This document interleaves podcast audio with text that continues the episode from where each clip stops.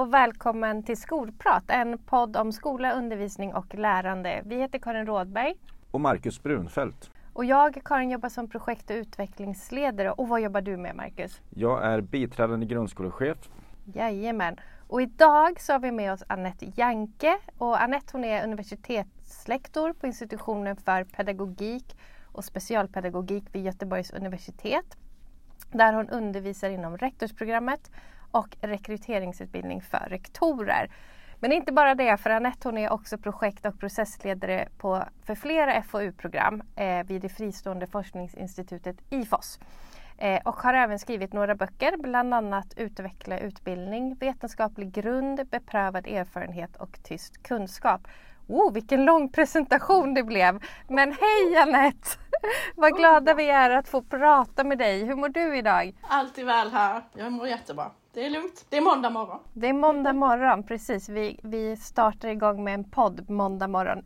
Du, jag, nu blev det ju en lång eh, presentation av dig här innan men jag tänker att det finns säkert mer att berätta om dig så kan inte du berätta lite om dig själv och din bakgrund och hur det kommer sig att du arbetar med just det du gör? Ja, jag är väl i grund och botten jätteintresserad av olika verksamheter och olika eh, praktiker. Så jag är väldigt eh, intresserad både av universitetets praktik och eh, skolans praktik. Eh, eller arbetslivets praktik och utbildningens praktik. Så jag har liksom, min forskningsbakgrund är ju egentligen inom arbetslivsforskning då egentligen. Mm. Där man tittar på vad för typ av kunskap man utvecklar när man arbetar.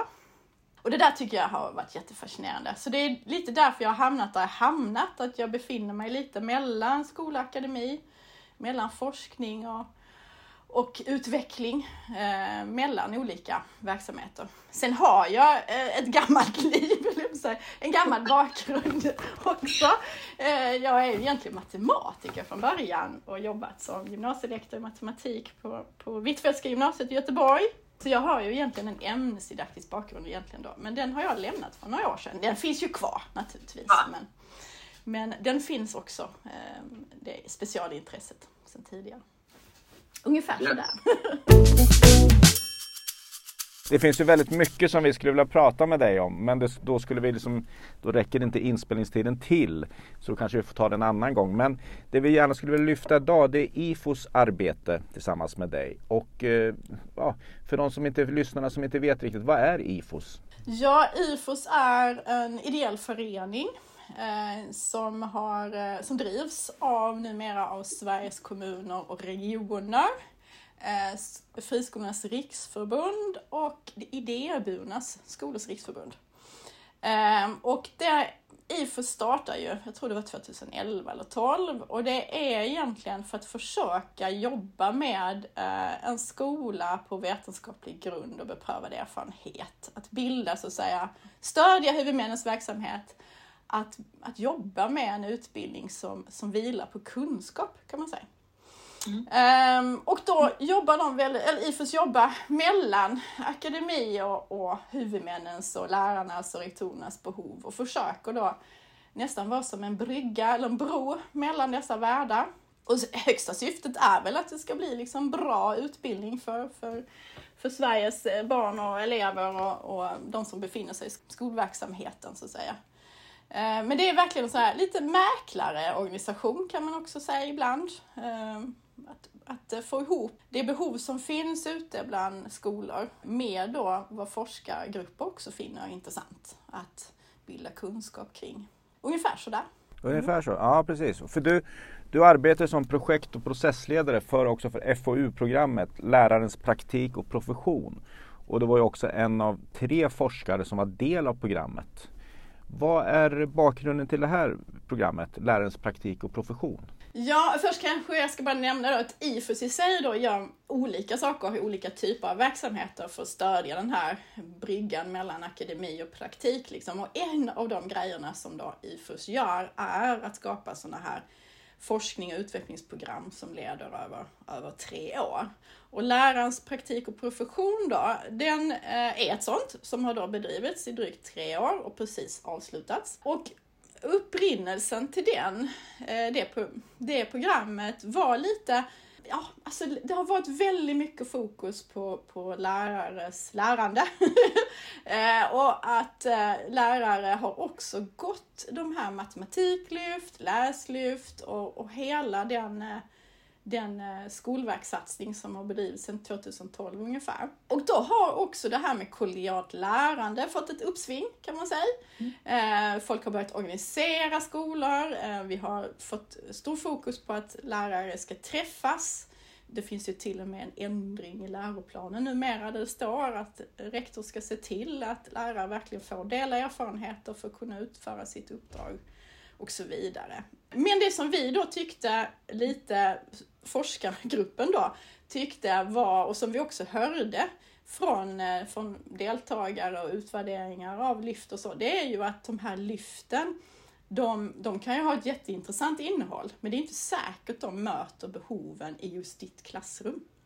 Så tanken med det här FU-programmet var att ta ett steg till. Utifrån man att nu har prövat på lite kollegialt lärande, man har kanske läst massa nya texter och så.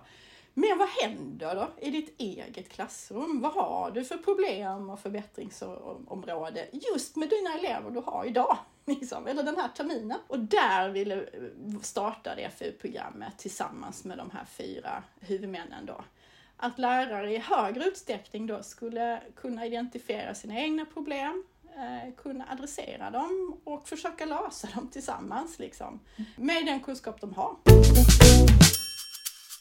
Ja, det är jättespännande och lärares lärande är ju väldigt intressant för oss särskilt. Och, och vad, vad, vad krävdes av huvudmannen för att kunna delta i det här? Var det några specifika förväntningar? Ja, vi hade ju fyra huvudmän. Kunskapsskolan var ju en.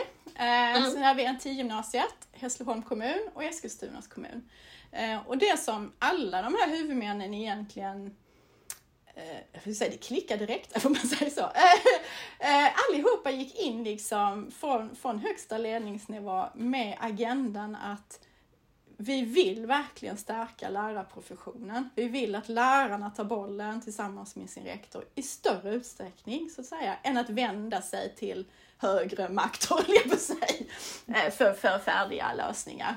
Utan man ville verkligen eh, så man gick in liksom inte för att liksom köpa något koncept eller något sånt, utan man ville verkligen eh, grund och, ärligt liksom ge bollen till läraren. Helt enkelt. Och ett begrepp som återkommer väldigt ofta nu för tiden det är det här med aktionsforskning. Och, och jag har förstått att innehållet i programmet har ju kretsat kring just aktionsforskning som modell eh, för och förhållningssätt till undervisningsutveckling. Och eh, vad menar vi egentligen med aktionsforskning? Vad står det för? Ja, vad står det för? Det finns naturligtvis, om man frågar eh, akademin och universiteten så kan du få hundra olika betydelser. Eller alla har ju sin lilla nisch liksom. Men i ja. grund och botten så i det här programmet och så som vi har arbetat och som då bottnar i, i det eh, arbete som har gjorts för Göteborgs universitet under väldigt lång tid.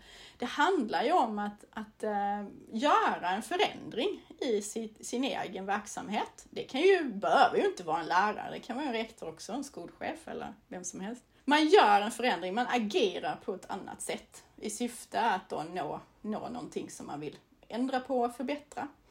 Men man gör det inte bara, utan man samtidigt ser till att följa vad som sker då. Vad sker om jag nu gör det här på ett nytt sätt? Vad sker nu om vi hade gjort den här podden på ett nytt sätt? Liksom? Eh, och när man då ska följa den här eh, aktionen, som man då kallar det för, eh, så använder man sig av vetenskapliga metoder, så att säga. Man kanske gör enkäter, man kanske gör observationer, man tar hjälp eh, av andra för att liksom iaktta både sig själv och som, vad som sker i klassrum eller var man nu befinner sig. Och så samlar man data och sen så analyserar man den här datan för att liksom förstå vad som skedde. Och då börjar man eh, inte enbart utveckla saker utan då börjar man också bilda kunskap om vad som har skett. Är en del av styrkan i det här att det kan göras på lite olika sätt också? Att det är lite olika förklaringar till aktionsforskning, eller hur? Ja, där, där finns det några olika eh, historiskt sett olika inriktningar, olika bakgrunder. Eh, det finns ju också, kan ju finnas en väldigt instrumentell syn på aktionsforskning från början, så att säga att det var inom industrin. Man provade ut olika produkter eller olika tillverkning, tillverkningsförfarande och så följde man upp det som, som rena experiment kan man säga. Sen har det ju utvecklats allt mer till att då adresseras inom pedagogik och utbildning. Och då handlar det mycket om tolka. tolka mm. vad som sker, tolka vad som sker i ett klassrum utifrån olika perspektiv. Eh, så då har aktionsforskning utvecklats liksom lite olika. Men är din uppfattning att aktionsforskning är fungerande i skolvärlden? Att det fungerar i praktiken på ja. att genomföra? Ja, jag tycker det. Man kan ju jämföra det med learning study eller lesson study eller andra typer av undervisningsutvecklande modeller. Eh, och det finns för och nackdelar med alla modeller. Liksom. När det gäller aktionsforskning så är det en rätt tillåtande modell. Du kan egentligen ta vilket problem som helst.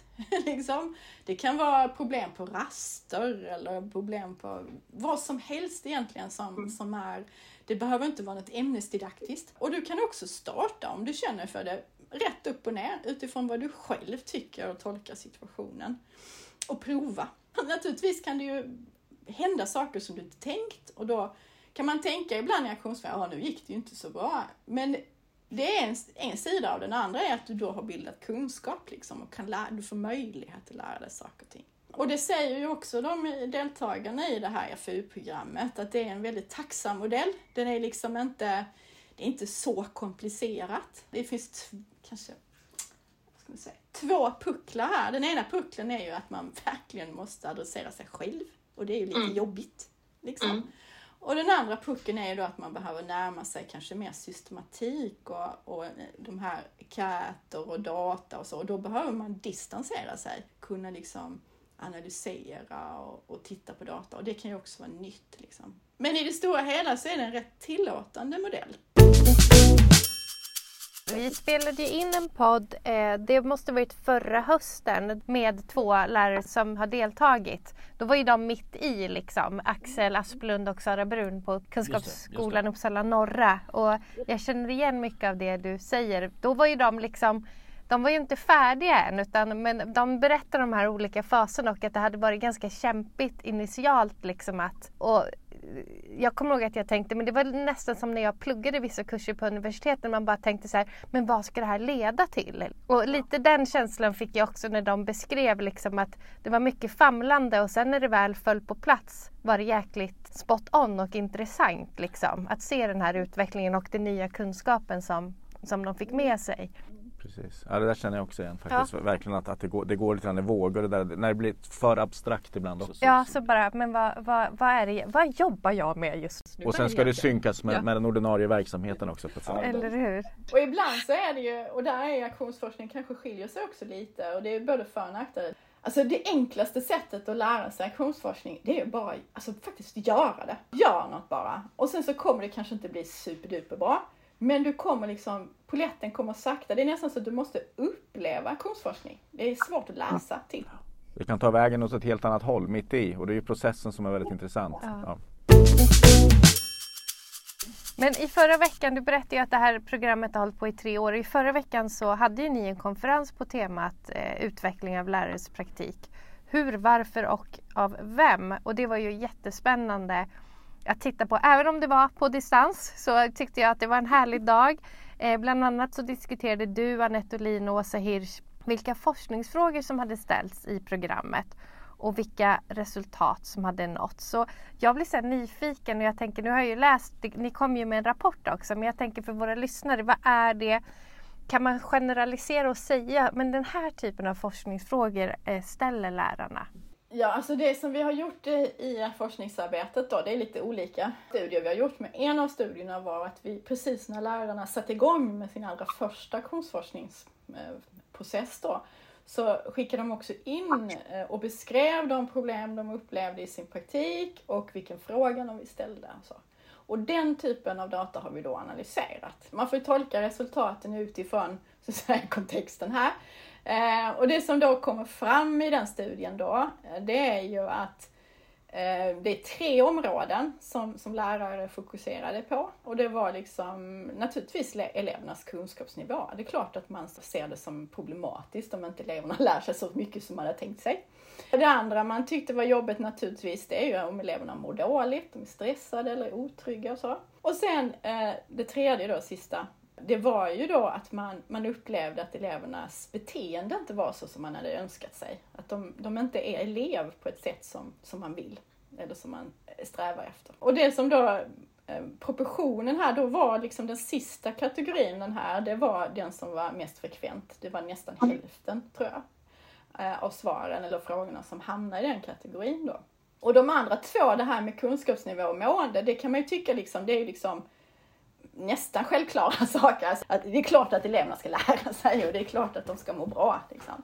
Och då tyckte vi att den här tredje kategorin var liksom lite, lite intressant och då, då valde vi att gå vidare med den tredje och, och titta lite närmre på dem, de som hade svarat på det. Och då kommer vi fram till att det man strävade efter och det man så säga såg som problematiskt eh, det var ju liksom elevernas motivation. Man ville att de skulle bli mer motiverade, mer ordningsamma och mer kan man säga självgående. Den sista här med självgående och även de andra också, det är sånt som man kan se i annan forskning också. Ja, för jag vet ju att jag lyssnade ju även på dig dagen efter på Skolverkets konferens. Och då pratade du om den dolda agendan, eller den dolda läroplanen, inte den dolda agendan, den dolda läroplanen. Och och vad, om jag förstod det rätt då så, så vad, handlade det om att Lgr 11s dolda läroplan kan vara den här självgående autonoma eleven. Det, det var ju ja. jätteintressant faktiskt. Och det kan vara så att, och den dolda läroplanen det är, liksom, det är ett begrepp från Donald Brody och, och ja, inte bara honom utan det är andra, kommer från amerikansk forskning och jag tror även tysk forskning som som tog upp de här begreppen hidden curriculum och allt vad det nu hette. Men Donald Brody översatte det till dold läroplan i Sverige 1980. Och eh, det handlar egentligen om att, ja, alltså vad är det vi egentligen lär ut då? Vad är det de lär sig? Liksom? De mm. facto, så att säga, genom all, alltså, vårt kollektiva arbete, alltså alla ramar, alla institutionella ramar, alla tid, all, hur många vi är, alla aktörer som är med. Vad blir det av det? Så att säga? Vad är det de lär sig? Och då finns det tidigare forskning kring, kring till exempel individuella utvecklingsplaner, eh, bedömningsmatriser och allt vad det nu är under 2000-talet, liksom, tidigare forskning. Eh, som, som tar fram det här att det ser ut som att vi strävar så efter en sorts ideal autonom elev.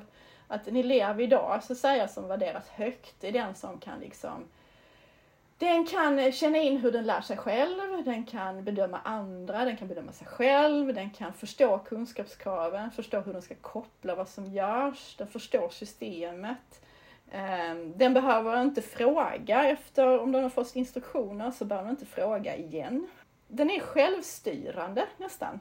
Och det är rätt intressant. För man kan ju ställa sig kritiska frågor då naturligtvis. Är det rimligt? liksom, är det möjligt? Och vad, den här ideala autonoma eleven behöver kanske ha en hel del kulturellt eller socioekonomiskt kapital med sig för att bli så autonom. Liksom. Och det har väl inte alla barn idag, eller elever i Sverige idag.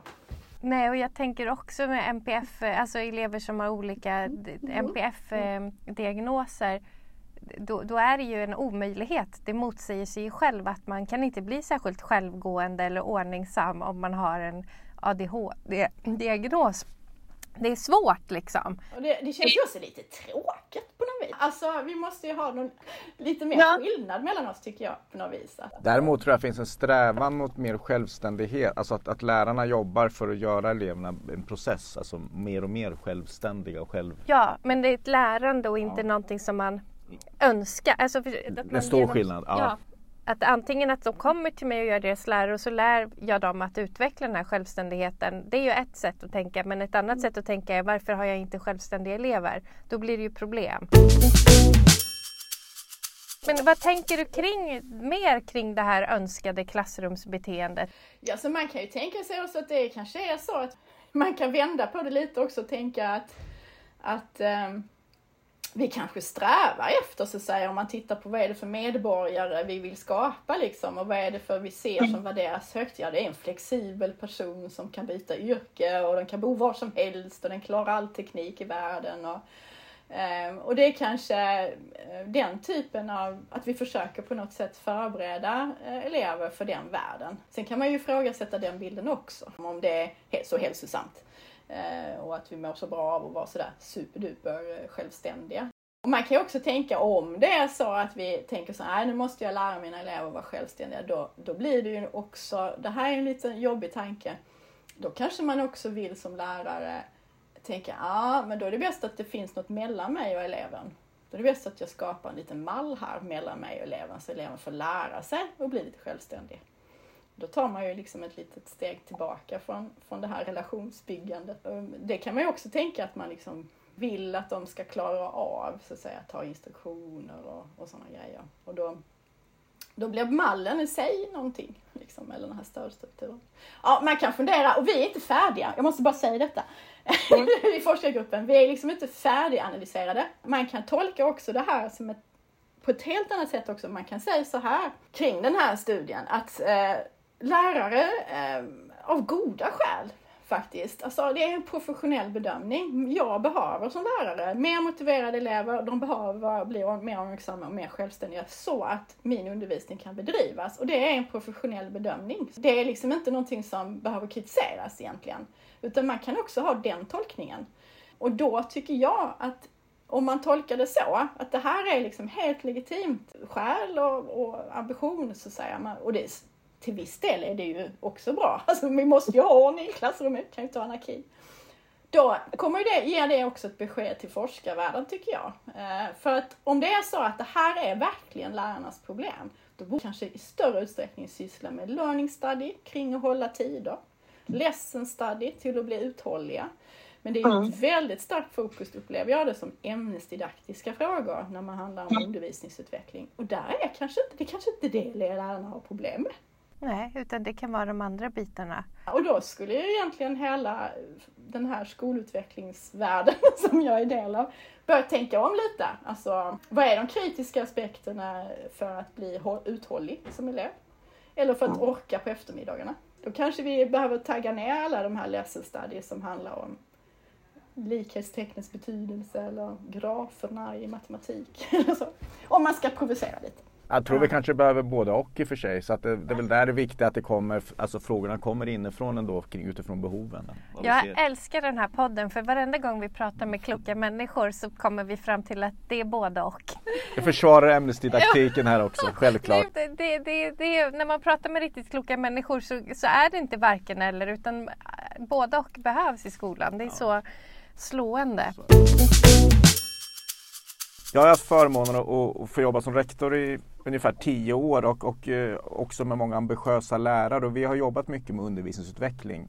De första åren pratade vi mycket om lärarskicklighet och sen har vi mer och mer glidit över till undervisningsutveckling. Och det senaste långsiktiga projektet det var ett samarbete med SDLS vid Stockholms universitet.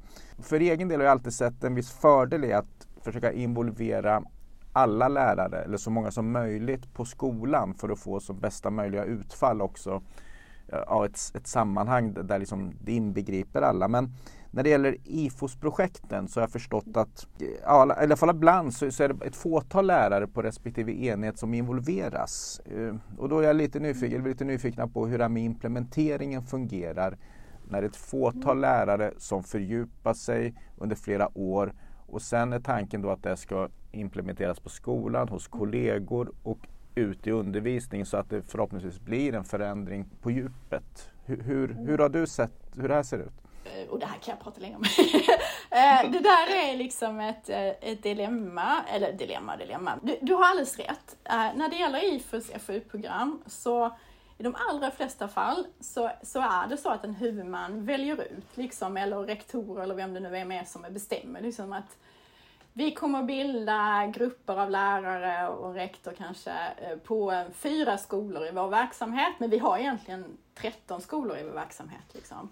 Och det, det kan ju också bero på hur huvudmännen styr, så att säga. För det är inte alltid säkert att alla skolor, och det vet ju ni också, har samma behov. Vissa enheter har behov av just ett FoU-program, andra enheter kanske behöver gå in i Skolverkets moduler, en tredje enhet behöver kanske läsa någon kurs på universitetet, vem vet, eller läsa en bok. Och det är därför varje huvudman själv, så att säga, utifrån sitt systematiska kvalitetsarbete, rodda i. Sen finns det också de FoU-program där faktiskt alla enheter är med. Sen är ju då frågan, så att säga, det som skiljer FU-programmen också på IFUS från mycket av annat, det är att det är så himla lång tid. Alla upplever det som att oj, ska vi jobba med någonting i tre år? Det är faktiskt ett mer långsamt arbete än vad man är van vid oftast när det gäller utvecklingsarbete. Och det, det behöver ta tid för det ska också bildas forskning av det och det tar ännu längre tid.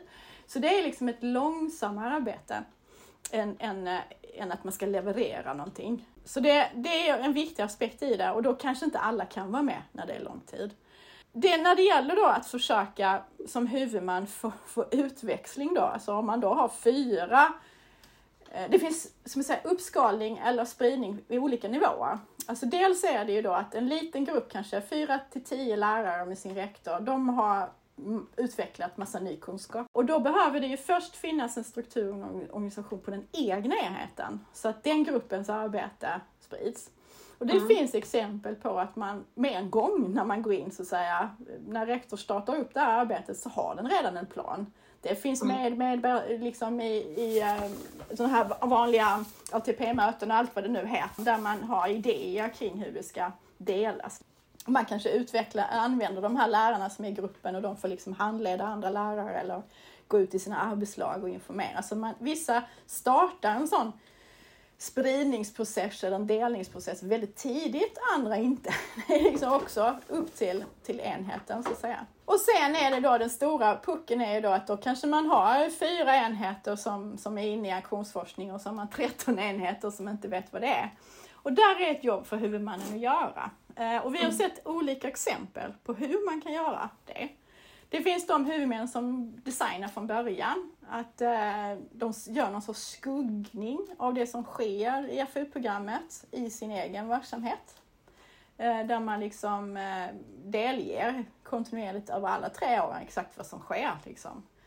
Det finns de som startar upp nätverk. Kanske när man har gått in, varit inne ett år ungefär i programmen så har de, bildar de nätverk och har en organisation för det. För hur, eh, och de bildar workshops och, och använder de deltagarna ur programmet.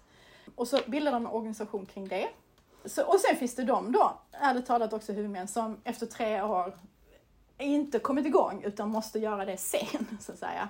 Efter att programmet är slut. Men oftast är det ju, antingen bygger man upp nya organisationer, sådana här nätverk och så, eller, eller så försöker man också använda de arenor som redan existerar. Man kanske redan har stora konferenser där man delar saker och ting. Då passar man på att få in detta här. Man skruvar på rutiner och formuleringar i kvalitetsarbetet. Man använder förstelärarna till exempel också. Utbildning av förstelärarna kan man också mm. använda där. Men det är ett arbete som behöver göras. Så det, du har alldeles rätt, liksom. det är ingenting som kommer av sig själv. För det låter i alla fall som en mer framkomlig väg om man har från början i alla fall en tydlig plan om hur, hur själva implementeringen ja. efter fördjupningen ska se till. Ja. Det gör mig också väldigt glad för jag känner igen det här också att de här två aspekterna du lyfter fram kring att både att det behövs en grundorganisation, alltså för det ser olika ut, skolorna är i olika faser ja. men att det, det, behövs en ja. grundorganisation för att kunna lägga på skolutvecklingsdelen. Men också det här med långsiktighet och där är faktiskt min erfarenhet att de flesta lärare som jag har jobbat med, de, det blir som att de, sjunker med axlarna lite av, av välbehag, på säga, när man pratar om att vi gör det här över tid. Och då pratar om två, tre år faktiskt. Ja. För, att, eh, för då blir det också lättare skulle jag säga att planera in de här ja. delarna mm. så att det kan pareras med den ordinarie verksamheten som är nog så krävande. I IFOs CFU-program så äger man ju hela organisationen själv så att säga. Man råddar själv hur höga ambitioner man vill ha och vart man ska lägga sina egna möten eller när det egna arbetet ska göras i jämförelse om man tänker ursprungsmatteliftet eller så som var så här tid. Liksom. Å andra sidan innebär det ju rätt stort ansvar också då. Mm. mm. Alltså att, att det verkligen, man får ut något av det. Och det kommer fram i rapporten kring det dilemmat med att, att det där med hållbarhet i praktiken, alltså Eh, av aktionsforskningen. Just det här när vardag, eller vardagen, det är liksom en, en profession och det, det, finns liksom årskjul och lärarna jobbar i ämneslag, arbetslag och liknande. Men att när, när de här andra sakerna pockar på hur man då ska få, få utväxling av ramaktionsforskning. Hur, hur, vad, vad, krävs? Tror du? Alltså, vi har varit inne på det lite grann också, men, men, vad krävs för att få båda de här delarna att funka? Att få en skola att rulla samtidigt som du då liksom kan utveckla skolan. Behövs det dubbla organisationer? Eller? Ja, det är, väl, är det inte väldigt inne att ha liksom så arbetsorganisationer, utvecklingsorganisationer? Det, det är väl sånt som, som många pysslar med, liksom. Att få få bägge organisationer på rull, om man säger så. Sen så tycker jag ju egentligen då, och, och jag hoppas ju då, eh, och en hel del av de som var med i det här FoU-programmet har liksom ändå hunnit med att eh, få in så att säga, aktionsforskning lite i kroppen. Så att man, mm. när man nu till exempel, nu dimper det ju ny, ny, nya kursplaner eller vad det nu är liksom. Att man ändå kan ha, man kan ju använda aktionsforskning när du implementerar kursplanerna. Så att säga. För där känner jag igen att, att man, de utvecklar ett förhållningssätt till nya rön ja. som faktiskt är kanske den viktigaste lärdomen i det här. Att, att man, ja. man, det, det kanske inte är resultatet av själva aktionsforskningen som alltid är det viktiga utan att det är ett nytt förhållningssätt till, ja. till vetenskap överhuvudtaget och, och det nya som kommer in och sen kunna tillämpa det på andra sammanhang. Det är det som... Ja det är ju det som man önskar liksom att de kan se att de, om de använder det så kan de, kan de liksom få utväxling liksom, och det kan också kännas meningsfullt att implementera nya läroplaner kanske det, det, vi har sett, och det finns exempel också i rapporten, det är när pandemin slog till. Mm. Alltså naturligtvis påverkar det programmet en, hel, alltså en del negativt också för att många blev väldigt trötta. Eh, helt enkelt, det var ju en extrem situation. Men det är fler stycken som också vittnar om att de hade hjälp av aktionsforskning när de skulle ställa om till distans. För plötsligt hade de den här blicken att nu, måste, nu måste jag agera annorlunda. Hur kommer det här gå? Och så hade man lite det i huvudet. Mm, jag kan titta på chatten här. Det blir lite data va? Alltså, då, då har det är flera som vittnar om att de hade hjälp av aktionsforskning i det läget när vi snabbt mm. skulle ställa om till några helt nya handlingar. Liksom. Eh, och det önskar jag att de tar med sig nu. liksom. In i läroplanen? Ja, in i läroplaner eller det är vissa liksom som det är omorganisation. Ja, för jag tänker också, är, är, man intresserad av aktionsforskning som lärare så, så är man ju kanske inte bara intresserad av, av reproducerad kunskap utan också att producera kunskap och då kanske det ligger i sakens natur också att man ställer om lite fortare när det kommer nya förutsättningarna ja. förändras. Man kan ju känna en viss trygghet också i det här att det, det finns, kan ju finnas, och man vet att kollegorna kan finnas där liksom också. Att, uh, nu måste vi följa upp det här eller vi får hjälpas åt och, och att alla kanske också delar lite samma, samma förhållningssätt. Vi brukar avsluta podden med eh, att vår gäst får ge lite tips och sådär. Vi tänker, vi förstår ju att det, det ser så olika ut eh, utifrån den lokala kontexten och varje skola är unik. Eh, men ändå, har du några generella tips att ge till skolledare och lärare som vill liksom grotta, komma åt själva kärnan i undervisningen och förbättra den? Eh, och förhoppningsvis då ökat lärande och bättre resultat hos eleverna. Ja, det känns ju så. Vilken liten fråga att sluta med va? Jag tycker egentligen att man ska inte glömma bort eh, elevperspektivet. Mm. Så om ni undersöker er verksamhet och, och så, prata med eleverna. Ta deras ord liksom. Man behöver naturligtvis inte hålla med om allting och, och, och alla, men elevernas upplevelse är deras upplevelse. Eh, om man lyssnar på eleverna så kan man faktiskt höra den här dolda läroplanen. Man kan höra vad är det egentligen vi har lärt dem. Så mitt tips är intervjua elever kontinuerligt, ha riktigt bra dialoger med det. Och, och synliggör också att, att skolan lyssnar på eleverna och att lärarna samarbetar. För eleverna är så superskickliga på att se vad som händer. Vad, vad är det som pågår på den här skolan? De vet precis. ja men och det är så sant och de gångerna vi har haft med elever i podden det har ju varit då har vi fått facit. Och sen så kan man naturligtvis som, som vuxen naturligtvis sätta det i ett perspektiv. Men, men ja. eh, deras upplevelser är deras upplevelser. Så det, ja. de kan man aldrig ta ifrån och de behöver vi hantera. Och, och, ja. och, också, och sen så kan de vara så sjukt smarta. de, de kan se saker och ting som vi faktiskt inte själva ser. Så det är mitt tips. Ja, men jättebra tips. Elevperspektivet, börja där.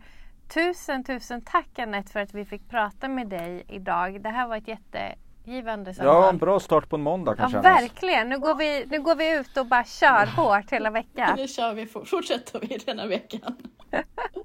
Tusen tack! Tack själva! Tack Hej! Skolprat är en podd om skola, undervisning och lärande med oss Karin Rådberg och, och Marcus Brunfeldt på Kunskapsskolan.